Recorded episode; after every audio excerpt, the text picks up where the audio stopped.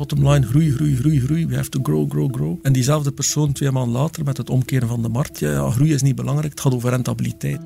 Dit is Loyens Loef Talking Funds. Een podcast waarin advocatenkantoor Loyens Loef in gesprek gaat met fondsenmanagers die toonaangevend zijn in hun veld. In deze aflevering gaat Robrecht Koppes in gesprek met durfkapitaalfonds Smartfin. Hoe schatten zij het huidige investeringsklimaat in in Vlaanderen? En wat zijn de huidige marktomstandigheden? Durfkapitalisten Jurgen Ingels en Thomas de Puit van Smartfin Capital doen hun visie uit de doeken in deze aflevering. Welkom bij deze podcast. Ik eh, ben Robrecht Koppes, ik ben jullie gastheer voor vandaag. Ik ben advocaat bij het advocaatkantoor Loyens en Loef. En zoals jullie weten, we hebben een bijzondere focus op private equity, venture capital. En zelf heb ik eigenlijk ook een heel grote passie voor technologiebedrijven, investeren in technologiebedrijven. En we begeleiden heel veel van die transacties. En ik haal ook heel veel voldoening eigenlijk uit het zien van succes, van groei, van dat type van bedrijven. En dat brengt ons wellicht vandaag ook hier samen. Ik denk dat wij die passie ook delen. Maar misschien een korte woordje over jullie zelf. Uh, Jurgen, misschien te beginnen bij jou. Ja, uh, mijn naam is uh, Jurgen Ingels. Ik ben eigenlijk mijn carrière gestart in, in private equity bij het gemeentekrediet in een bank. En dan heb ik een technologiebedrijf opgezet in 1999, Clear to Pay dat ik in 2014 verkocht heb. En dan ben ik eigenlijk een beetje teruggegaan naar de dark side. En, en vandaar run ik eigenlijk een private equity fonds, Smartfin Capital, met een aantal collega's. Ja, ik ben Thomas, ik ben een van de partners van Smartfin. ben iets later aan boord gekomen in 2016. En voorheen heb ik eigenlijk eerst een tiental jaar in consulting gewerkt, zowel IT-gericht als strategische consulting. En ook een paar jaar bij iMinds in de portfolio van eh, techbedrijven daar. Oké, dankjewel. Misschien eventjes duiden. Wat doet Smartfin juist en, en wat is jullie uh, algemene investeringsstrategie? De Smartfin is een, een risicokapitaalfonds, wat er eigenlijk op neerkomt dat wij geld krijgen van mensen, van beleggers, en dat we dat geld investeren. Nu in de praktijk investeren wij voornamelijk in business to business. Dus we doen eigenlijk geen business to consumer.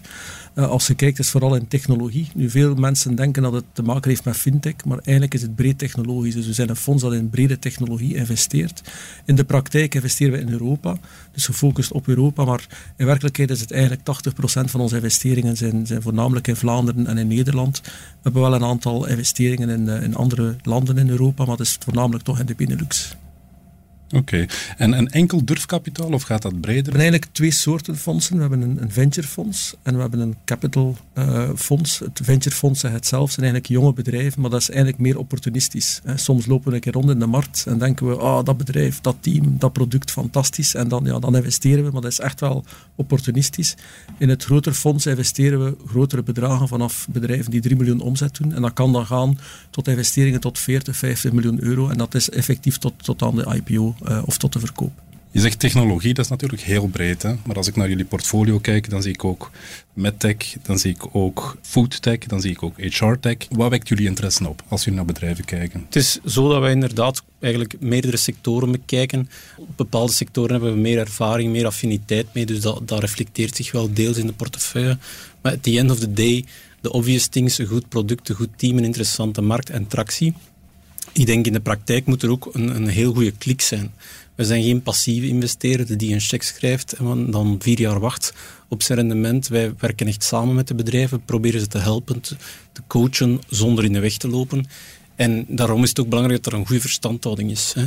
Dus het is ook een beetje een two-way street waarin je samen een soort van partnership aangaat om, om dan bedrijf verder uit te bouwen. Ja, ik vraag me af in de praktijk, Jurgen, Jullie zitten te wachten op investeringen. Uh, zijn dat de ondernemers die naar jullie stappen, die jullie mailtjes sturen van Jurgen en, en Thomas, wij, wij zijn op zoek naar geld? Of moeten jullie eigenlijk naar hen stappen en hen overtuigen om met jullie in zee te gaan? Ja, dat, dat gebeurt als ze ons contacteren. De laatste jaren was het wel wat moeilijker, omdat het uiteraard een, een markt was waarin dat de ondernemer echt wel de macht had. Nu, de laatste weken met de correcties op de beurs is het wel zo dat er heel veel ondernemers vragen om terug een keer een koffie te gaan drinken. Dus ik denk dat de macht wel een klein beetje terug aan het verschuiven is naar de investeerder toe.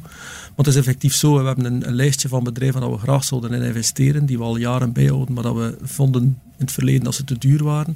Aan de andere kant ook heel veel activiteiten. We zijn ook actief uh, bij bijvoorbeeld de Big Score dat we organiseren in Gent, waar we dan eigenlijk ja, scale-up, start-ups samenbrengen met investeerders. We zijn daar ook een van de partners bij, bij dat evenement. Dus we zien eigenlijk al heel vroeg welke bedrijven dat er interessant zijn en welke niet. Ik las in de media onlangs, en, en dat moet dan jullie grootste investering geweest zijn tot nu toe, Hexrace. Ik neem aan dat dat binnen jullie capital funds dan, dan meer viel. En wat dan ook opviel, jullie partners FPIM, SRIW, dus eigenlijk publieke overheidsinstellingen, de participatiemaatschappijen daarvan. Kun jullie daar misschien iets meer over vertellen en waarom ook die samenwerking met die uh, overheidsinstellingen? Ja, Hexray is een, een heel interessant uh, dossier. We hebben daar negen maanden met het team uh, keihard op gewerkt. Het is een, een bedrijf die eigenlijk in cybersecurity zit. En zoals dat je misschien weet, is voor bepaalde uh, heeft FPIM, dus de federale participatiemaatschappij, maar ook de federale overheid, heeft een aantal uh, areas uh, benoemd die voor hen strategisch belangrijk zijn, ook voor België strategisch belangrijk zijn. En cybercriminaliteit is daar één van. Het was een interessant bedrijf. We hebben eigenlijk een, een meerderheid genomen in het bedrijf. We hebben een volledige due diligence gedaan. Uh, we hebben een stuk geleveraged bij de banken. We hadden eigenlijk nog een partner nodig. En we dachten, ja, in dat geval kan het zeer interessant zijn ook voor, voor FPM om te investeren. Enerzijds omdat de bedragen groot zijn en dat is iets wat uh, FPM aan kan. Anderzijds is het ook strategisch voor FPM zeer interessant, omdat het iets is wat we willen verankeren in België. Het is een Belgisch bedrijf uit Luik. We hebben niet zoveel bedrijven in dat segment die wereldspelers kunnen zijn. Dat is er eentje van. En ik denk dat we samen met FPIM uh, ja, dat bedrijf verder kunnen uitbouwen tot echt een wereldspeler. Jullie vorige fonds was eigenlijk een heel groot succes. Ik heb nog eventjes opgezocht, dat was binnen de kortste keren eigenlijk uh, uitverkocht, bij wijze van spreken. Jullie zijn zelfs boven de, de limiet gegaan van wat jullie oorspronkelijk hadden uh, vooropgesteld. En nu zijn jullie bezig met een derde fonds? Ja, dat staat in de stijger, zal die voorbereidingen worden getroffen. Uh, de idee is eigenlijk om, om, om een derde generatie groeifonds op te zetten met een gelijkaardige strategie we hebben uh, niet de intentie om per se te groeien om te groeien en er een fee-business van te maken, zoals dat sommige van onze co collega's misschien doen. Wij geloven echt dat we in een, in een sweet spot zitten waar een smartphone heel succesvol gebleken is en kan blijven. Een beetje tussen de kleine en de grote in, als het ware. En daar is een opportuniteit voor ons om, om uh, goede rendementen te blijven draaien, geloven wij. En dus vandaar uh, die, die, die opstart van de derde fundraising uh, documentatie wordt voorbereid en dan gaan we in gesprek met potentiële investeerders. En wie zijn dat dan, die potentiële investeerders? Kan, kan ik morgen naar Jurgen even bellen en zeggen van ik, ik, heb interesse of hoe, hoe, werkt dat juist? Dus we hebben de traditionele family offices die al jaren uh, van, van generatie op generatie investeren in technologie langs de ene kant. We hebben ook ondernemers die gecashed hebben, die een bedrijf verkocht hebben en die zeggen oké, ik wil ook een stukje in technologie investeren, maar ik heb vaak te weinig tijd of ik heb er te weinig affiniteit mee. En daarnaast hebben we zelf, investeren we zelf in onze eigen fonds, wat dan ook niet onbelangrijk is. En hebben we ook een deel institutionele, dus we hebben ook de overheid voor een stukje. We hebben een aantal banken die mee investeren, een aantal pensioenfondsen die mee investeren. Dus dat zijn zo de typische aandeelhouders. Nu, uh, de minimumbedragen zijn wel stevig. Het is 2 miljoen uh, minimaal. Het is uiteraard zo dat die 2 miljoen gespreid wordt over zeven jaar, dus we vragen dat niet in één keer op. Maar voor, zelf voor sommige mensen is dat natuurlijk een heel groot bedrag. Vandaar dat we ook een feederstructuur hebben, dat mensen met kleinere bedragen ook, uh, ook kunnen investeren, is dat vanaf 250.000 euro.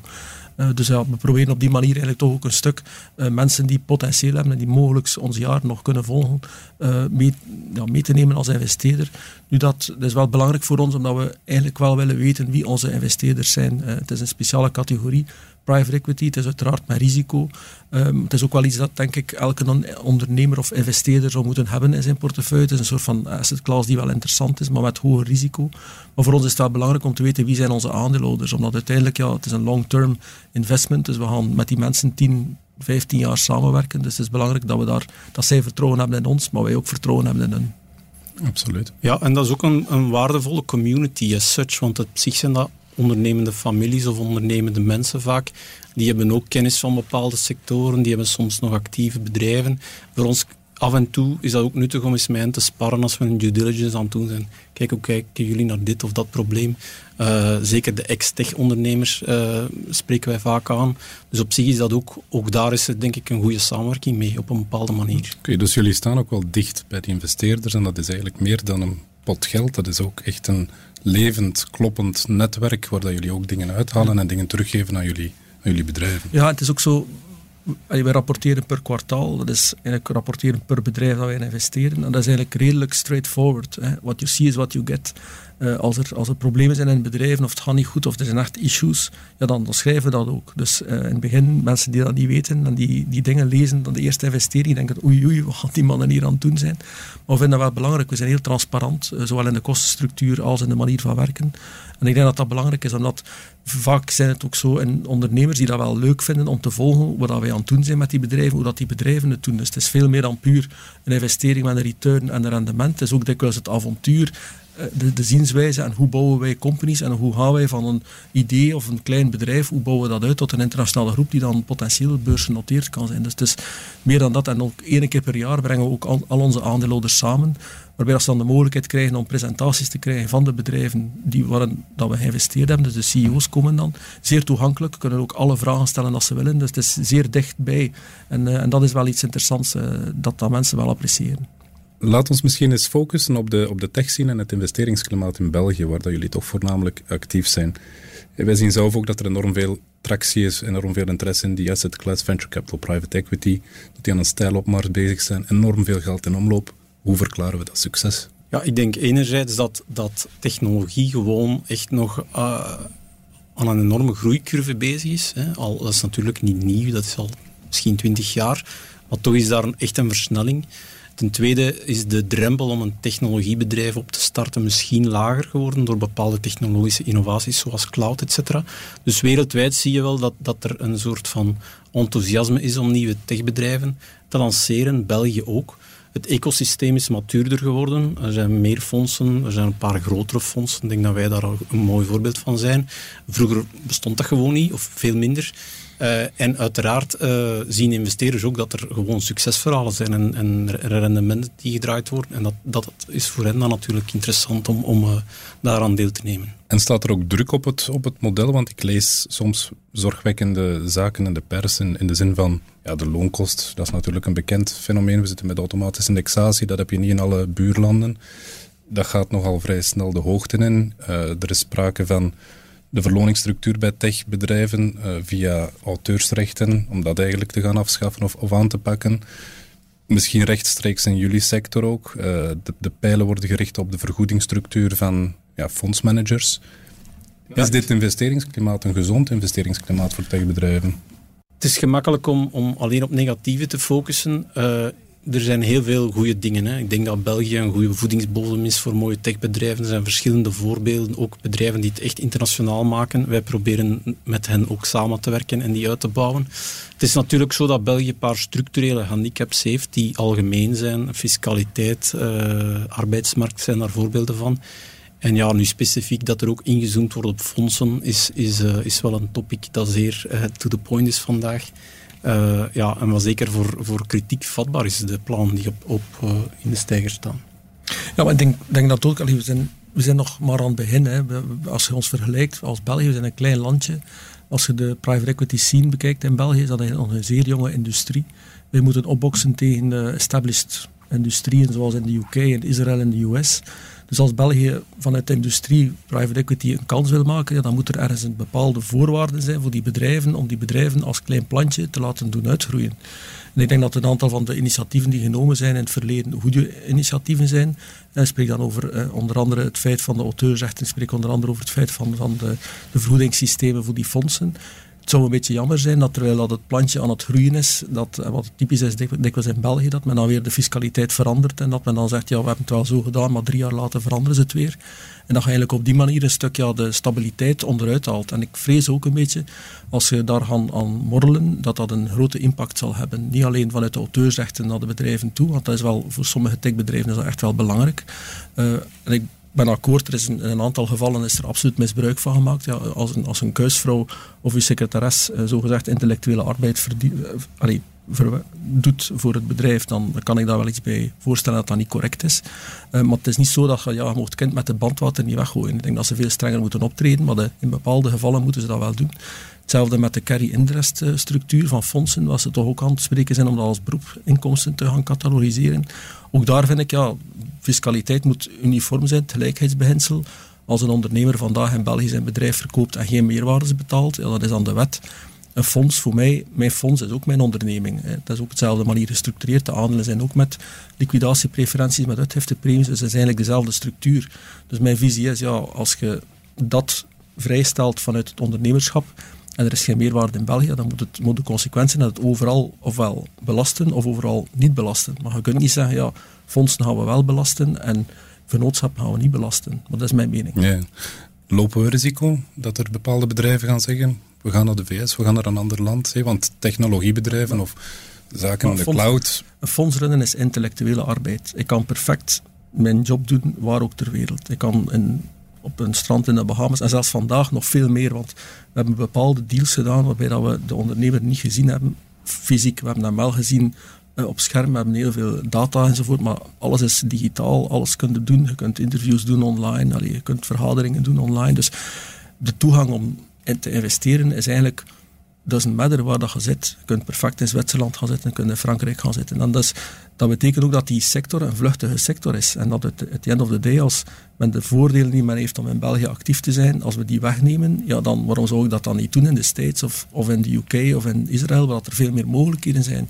En waarbij je eigenlijk met een veel matuurdere industrie kunt werken. Dus het feit dat de, dat de industrie niet matuur is in België, is oké, maar dan moeten we wel een aantal voordelen geven om die, die immature structuur toch te laten groeien. Dat is, een, dat is ook een zeer praktische vraag voor groeibedrijven. Hè.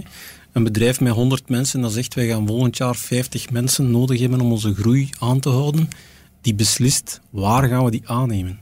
En een van de dingen, van de parameters waar naar gekeken wordt, is uiteraard kost en gemak om die te vinden en kwaliteit en al wat dat je wilt. Maar dus dat is een permanente conversatie in raden van bestuur. Oké, van die 50, hoeveel gaan er in België zitten en hoeveel gaan er in een andere regio zitten? En natuurlijk, als men dan een soort van onzekerheid creëert op vlak van fiscaliteit, arbeidsrecht en wat have you, ja, dat heeft gewoon een impact. Hè. Dan, dan zijn ondernemers soms sneller geneigd om te zeggen, weet je wat, volgend jaar gaan we vooral aannemen in land X. En dat is gewoon netto een verlies voor de regio, denk ik hier. Ja, tegelijkertijd denk ik dat we natuurlijk heel veel hebben in België, ook om trots op te zijn. We hebben onze unicorns, Colibra, Odoo, Deliveract, jullie ook bekend als, als aandeelhouder. En, en Jurgen, jij hebt in 2014 ook Clear2Pay succesvol verkocht. Dus het kan toch in België, als ik het, eh, als ik het zo zie. Ja, absoluut, het kan. Uh, nu, dat gezegd zijn, het heeft wel bloed, zweet en tranen gekost. En uh, het is ook wel zo dat er niet zoveel zijn, want mensen zien altijd in de krant de leuke verhalen. Nu, langs de andere kant, toen dat ik Clear2Pay verkocht, waren er veel mensen die tegen mij zeiden van ja, je hebt geluk gehad. En ik heb hoogstwaarschijnlijk heel veel geluk gehad. Maar ik vroeg mij dan af, in, in 14, ja, kun, in 2014 kunde een technologiebedrijf succesvol uitbouwen in België. En eigenlijk was de opdracht een beetje van, laten we met, met Smartfin een aantal bedrijven die we denken die tof zijn, die leuk zijn, met een goed team, goed product, laten we die ondersteunen om daar eigenlijk grotere bedrijven van te maken. En dat is wel, allee, dat is iets wat ik zelf persoonlijk wel leuk vind. Als je nu kijkt, zoveel jaar later, zijn er toch een aantal van die bedrijven, uh, Guardsquare, Silverfin, uh, Deliveract, die we echt wel door omkadering Ehm, dat we de kans vergroot hebben om succesvol te zijn. En ik zeg niet dat de kans 100% is, maar ik ben wel overtuigd persoonlijk dat als je bedrijven goed begeleidt en dat je die goed omkadert en goed adviseert, eh, en toegevoegde waarde biedt, dat je de kans op succes kunt vergroten. En ik vind ook dat we dat weer moeten doen. We hebben heel goede ingenieurs in België. We hebben fantastische mensen. We hebben mensen ook die, die, niet, die niet onmiddellijk weggaan naar een ander bedrijf omdat ze 100 euro meer verdienen, zoals in de US. Mensen blijven ook in de regio. Hè. Ze blijven rond de kerktoren, fijn, maar dat is ook een voordeel. Dus laat ons al die dingen al die facetten gaan gebruiken om echt wel unicorns te bouwen. En eigenlijk, we hebben er vandaag drie, vier, maar we zouden er eigenlijk twintig moeten hebben. Dus we moeten eigenlijk veel meer focussen op die unicorns. Maar dat gezegd zijn, zou de overheid vind ik, ook veel meer moeten focussen. Want we kunnen niet alles doen. We zijn een klein land, we kunnen niet in alles goed zijn. We moeten gewoon keuzes durven maken. En dat is dikwijls ja, de politiek die dan moet durven keuzes maken om te zeggen dat doen we wel en dat doen we niet. En dat is een lastige natuurlijk. Hè. Maar dat zou eigenlijk veel meer moeten zijn. Dat we zeggen, in die technologie investeren we. Dat is cruciaal voor de, voor de regio. En daar willen we echt een Center of Excellence gaan bouwen. En in die dingen, ja, sorry, we zijn daar te laat. Of er zijn andere regio's die interessanter zijn, dat doen we niet misschien een goed moment ook om eventjes uit te zoomen, want ja, de regering kan veel doen, maar de, de, de tijden zijn ook heel bijzonder. En als je, als je leest wat er gebeurt met de big tech, uh, het zijn vreemde evoluties. Uh, vroeger waren de waarderingen ja, stellar, sky high. Uh, nu gaan die naar beneden tegen een razingwekkend tempo. Er worden ontslagrondes aangekondigd. Niet zomaar een beetje, maar direct 10.000, 11.000 mensen bij, bij Meta, bij Twitter, noem maar op. Is er iets aan het veranderen in de techscene? Heeft dat een gevolg hier in Europa of in België? Wat is er aan de hand? Ja, dat is een trend die je overal ziet. Dus dat zijpelt zeker ook door hier, ook bij jongere bedrijven, creëert dat een bepaald soort uh, alertheid en uh, druk, zal ik maar zeggen. Um, eigenlijk worden de, de, de, schroeven een beetje aangewezen. Hè. En de trigger is natuurlijk de financiële markt, uh, zowel monetair als dan de beurs die daarop reageert. Um, maar at the end of the day uh, moeten we ook eerlijk zijn, zeker in 21 uh, was het misschien allemaal iets te, iets te bullish en, en, iets te optimistisch wat je zag gebeuren. Dus op zich is een beetje meer discipline wel goed. Ehm, voor bedrijven in de praktijk betekent dat dat ze gewoon veel secuurder om moeten gaan met hun resources. Hè. Uh, vooral dan kapitaal, uh, wanneer wordt het geïnvesteerd, aan welk tempo, uh, omdat ze weten dat het niet, maar, niet meer zo vlot is om, om extra middelen op te halen in de markt. Ik denk dat dat de belangrijkste impact is op vandaag. Ja, ik denk ook persoonlijk dat er ook wel wat, wel wat vet uh, in de meeste bedrijven, in een aantal van die technologiebedrijven zat. Als je heel veel geld beschikbaar hebt, ja, dan wordt automatisch uh, iets vetter. Dus het is goed dat er, dat er wat van dat vet weggaat. Langs de andere kant is het ook wel zo dat er jaren het mantra was groei, groei, groei. Hè. Dus ik, ik, ik allee, recentelijk nog zat ik in een raad van bestuur met Amerikanen en die zeiden, ja, never mind, bottom line, groei, groei, groei, groei. We have to grow, grow, grow.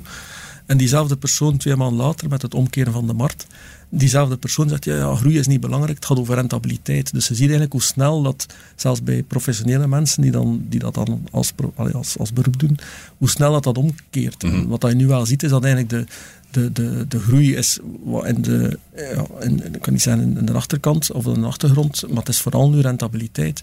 En natuurlijk in de tech scene, tech scene en rentabiliteit, dat vloekt een beetje. Hè, omdat je, zeker in jonge bedrijven, als je een techbedrijf wilt uitbouwen, ja, dan de eerste jaren maakt je verlies. Je maakt verlies omwille van het feit dat je je salesinfrastructuur moet opbouwen, dat je je product aan het bent, dat je je mensen moet aanwerven voor je, voor je marketing, dat je groei, HR-divisie moet opzetten, enzovoort en zo verder. Dus het is logisch dat je de eerste jaren verlies maakt. Maar je natuurlijk dan, het mantra is dan eigenlijk ja, rentabiliteit, ja, dat vloekt een beetje. Hè. En, en het zal interessant zijn om te zien, ja, had, dat, die, had die rentabiliteit eigenlijk zorgen dat er een aantal van die techbedrijven ja, in de problemen gaan komen, omdat ze geen geld meer gaan vinden. Hè, want je moet, als je nog altijd verlies maakt, moet je wel verder gefinancierd worden. Of gaan ze effectief ook kostcutting gaan doen? En wat dat we nu eigenlijk zien in ons portefeuille, is dat de meeste bedrijven de vlucht vooruit nemen en zeggen, ja, geld vinden gaat moeilijk zijn, ik zit met verliezen, ik moet die verliezen zo snel mogelijk wegwerken. En dat zal ten koste gaan van de groei. Dus, uh, en dan ja, denk ik dat we wel ergens een, een goed evenwicht gaan vinden tussen goede groei, maar groei van 50 tot 100 procent zal misschien voorbij of verleden tijd zijn, maar dan misschien moeten eerder gaan naar 20, 30 procent groei, met dan rekening houden met het feit dat je niet meer uh, ik weet niet hoeveel geld verliest, maar dat je zo dicht mogelijk bij rentabiliteit komt. Okay. Het afkoelen van, van de markt en die waardering, het is eigenlijk een vorm van normalisering. Eigenlijk is het terug naar normal. Hè. Daarvoor was het abnormal. Uh, dus eigenlijk ja, het, is, het zakt, ja, maar het zakt terug naar normaal. Dus, uh. Is dat ook de boodschap dat jullie geven in de boardroom? Dat jullie zeggen van kijk, even focus op de PNL, even focus op stabiliteit, de kapitaalstructuur stabiel houden en, en, en dan pas terug aan die groei beginnen denken? Ja, ik denk ten eerste wat het belangrijk is om te zeggen dat Smartfin eigenlijk altijd gedisciplineerd gebleven is. Hè. Ook doorheen de bullish years hebben wij de echt crazy stuff aan ons laten voorbijgaan. Soms interessante bedrijven, maar die gewoon waarderingen hadden die wat ons betrof uh, ja, niet realistisch waren. Dan hebben wij gewoon vriendelijk bedankt. Dus dat komt ons nu goed uit eigenlijk, hè, met die, nu dat de markt weer normaliseert. Dat is één zaak.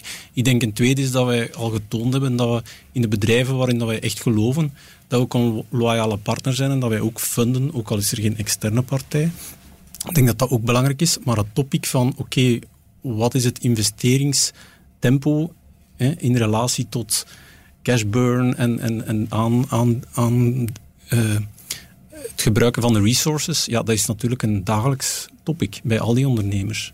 Jurgen, jij blijft altijd optimistisch, zag ik in de media. De crisis van vandaag biedt enorm veel opportuniteiten om te investeren. Er zijn heel veel koopkansen. Is dat ook zo voor Smartfin? Hoe kijken jullie naar de markt? Het is toch altijd heel concurrentieel geweest. Nog steeds zit er heel veel in de pipeline.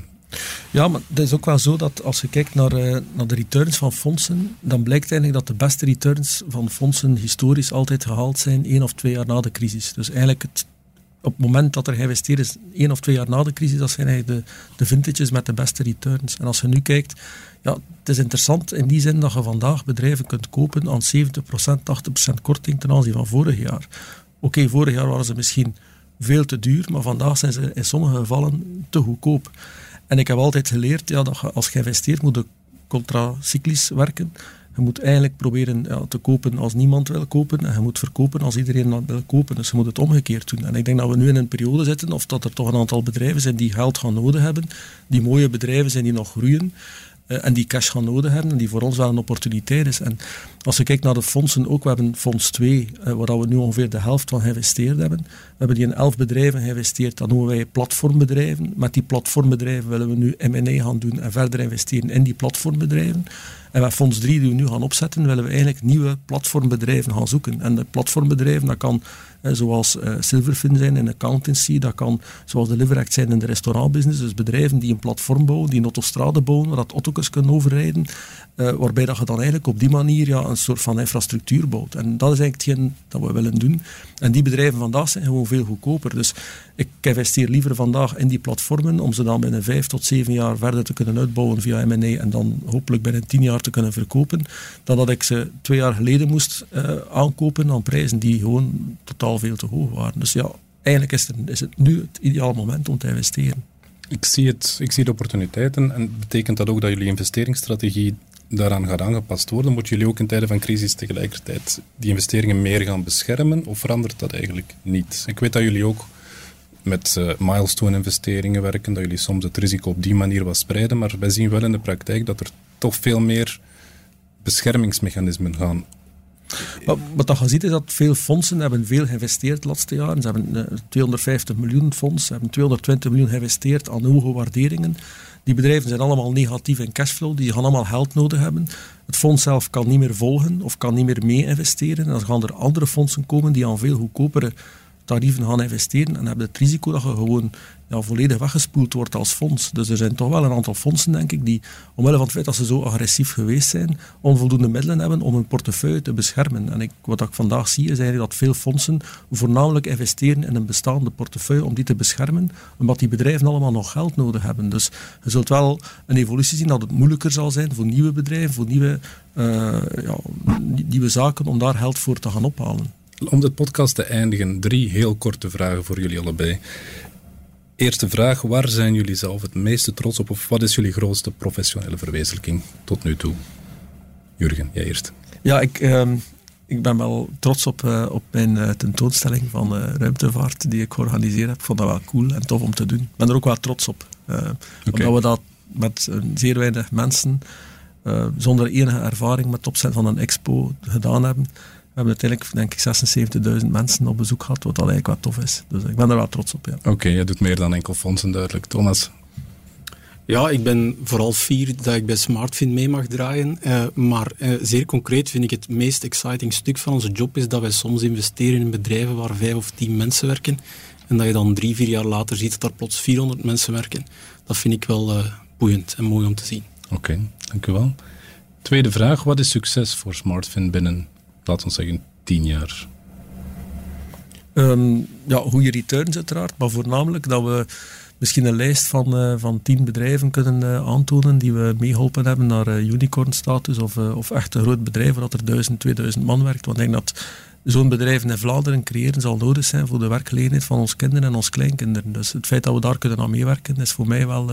Allee, dat zou ik heel graag hebben. Dus, ja, er zijn weinig fondsen die eigenlijk lang blijven bestaan. Je hebt vaak één of twee generaties en dan gedaan. Ik denk dat ons derde fonds belangrijk is om ons echt op de kaart te zetten als een blijver. En uh, dus daar kijk ik naar uit. Oké, afspraak binnen tien jaar in deze studio. Dan gaan we het, dan gaan we het daarover hebben. Laatste vraag. Wat is jullie grootste wens voor de technologie sector in België? Ja, voor mij, ik denk, we hebben heel hard gewerkt de laatste tien jaar om, om een soort van klein ecosysteem te bouwen. We hebben dat, dat vliegwiel begint nu een klein beetje te draaien. Dat, dat kraakt en dat spokt al niet meer. Dus, uh, dus ik hoop dat de, de politiek en onze, onze beleidsmakers zien of inzien dat dat, dat, dat nog maar het prille begin is van dat vliegwiel. En als ze dat niet, uh, nu dat het begint een klein beetje te werken, dat ze het uh, niet saboteren en, en kapot maken. Want dat zou heel jammer zijn. Ja. Ik denk dat de ultieme doel kan zijn dat, dat België of Brussel of gelijk welke stad, Gent, Leuven, maakt niet uit, een aantrekkingspool wordt voor buitenlands talent. Ik denk dat je dan echt op de kaart staat. Silicon Valley aan de Noordzee. Heren, bedankt voor deze podcast. Het was een waar genoegen. Dit was Loyens Loef Talking Funds. Benieuwd naar meer? Luister dan zeker naar de andere afleveringen in deze reeks.